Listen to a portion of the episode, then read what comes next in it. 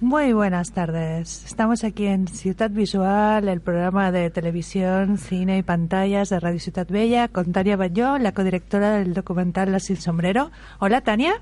Buenas tardes. Estamos muy contentas de que nos hayas podido atender porque nos gusta muchísimo tu proyecto. Explícanos esto de La Sin Sombrero. ¿Este título de dónde sale?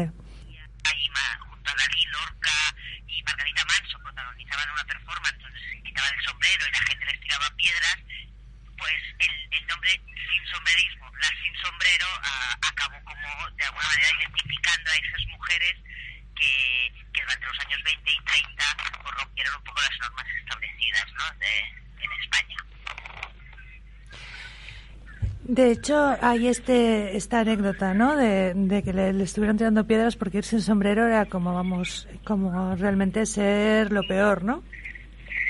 Sí, bueno, ya te digo, ¿eh? en, la en su época eh, las mujeres sin sombrero, tales como eran inconcebibles, porque el sombrero era un elemento de, de, de honor, ¿no? Casi, casi, pero pero sí que, de alguna manera, aquellas mujeres que se acabaron sacando el sombrero, sobre todo en los últimos años 20, o los últimos años de la década de los 1920, eran mujeres muy asociadas a la transgresión, a la nueva mujer moderna, a esas mujeres que se que, que, que se entendía que eran artistas, que eran transgresoras, que rompían con todo aquello y sobre todo mujeres que no se querían casar, que no querían tener hijos, ¿no? Ese era como un poco una idea de, de mujer fatal, ¿no? Por decirlo de alguna forma. De hecho, estoy recuperando toda esta toda esta cantidad de mujeres de esta generación del 27, ¿no?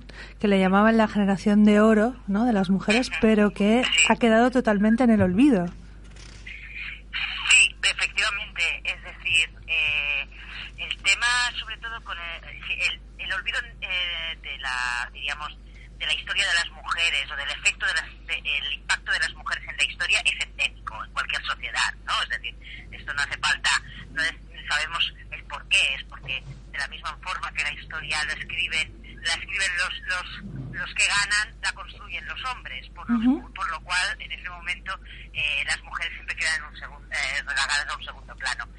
Pero en el caso de la generación del 27 es aún más doloroso porque la generación del 27 es eh, seguramente, o no, seguro, la generación más importante y más popular de la historia cultural española, ¿no? Es una generación que, por ejemplo, tiene un amplio eh, archivo fotográfico de índole personal, correspondencia, donde ellas aparecen, donde ellas se demuestran, palpa- pa- se demuestra que ellas estaban ahí, que compartían esa relación con ellos.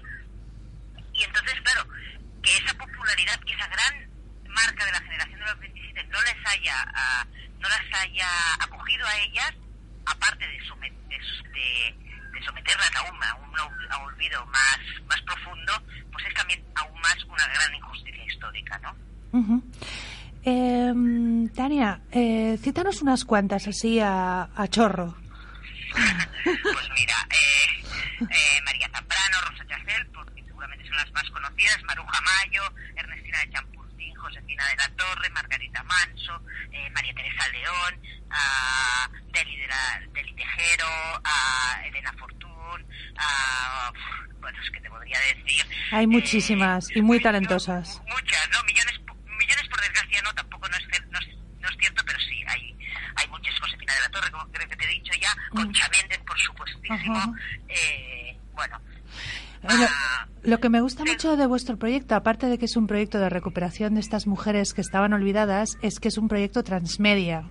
¿no? Es un proyecto con múltiples patas. Cuéntanos esto de las patas o de las pantallas sobre las cuales podemos ver estas bueno, historias. Mira, eh, como un poco el objetivo de este proyecto desde su inicio siempre fue eh, eh, reivindicar que esas mujeres tenían que ser recuperadas, pero a la vez que ser recuperadas por sí mismas en formar parte de una generación y a la vez ser eh, situarse en igualdad de condiciones que todos ellos, siempre tuvimos muy claro que, no- que, que no- que el, el objetivo para lograr esa, esa máxima eran las aulas escolares, eran las, las clases, eran, eran las propias escuelas, ¿no? Sabíamos que ahí podía empezar el cambio. Entonces, eh, desde el principio nos propusimos a crear todo de, pro- de, de propuestas y fueran muy, muy eh, enlazadas tecnologías y con las nuevas formas de narrar. Sabíamos que había el documental, que era un clásico y que, y que el proyecto necesitaba, un documental para la televisión, que además eso nos permitía abrir patas de financiación. Eh, después, bueno, nos propusimos hacer el documental interactivo, por esa misma idea que te comento de, de, poder llegar a las aulas y convertir ese webdoc en una herramienta educativa, donde los alumnos pudieran acercarse a esta historia y que, y a todos esos materiales didácticos que, está, que, está, que este proyecto les propone de una forma tecnológica y digital, ¿no? que creíamos y creemos y sabemos que es ahora mismo la tendencia.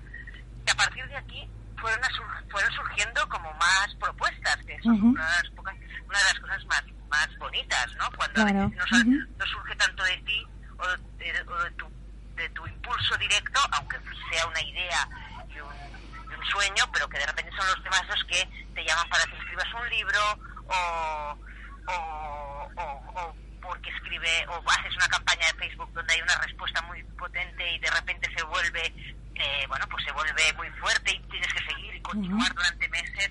Es decir que que bueno una exposición la universidad de Málaga nos llama para hacer una exposición. Es decir que de repente el, transmedia se convierte también en un, en un elemento colectivo no de muchas, de muchas, Tania, fuentes y muchas instituciones de todas formas eh, vais a estrenar el documental interactivo en televisión española dentro de muy poco ¿no?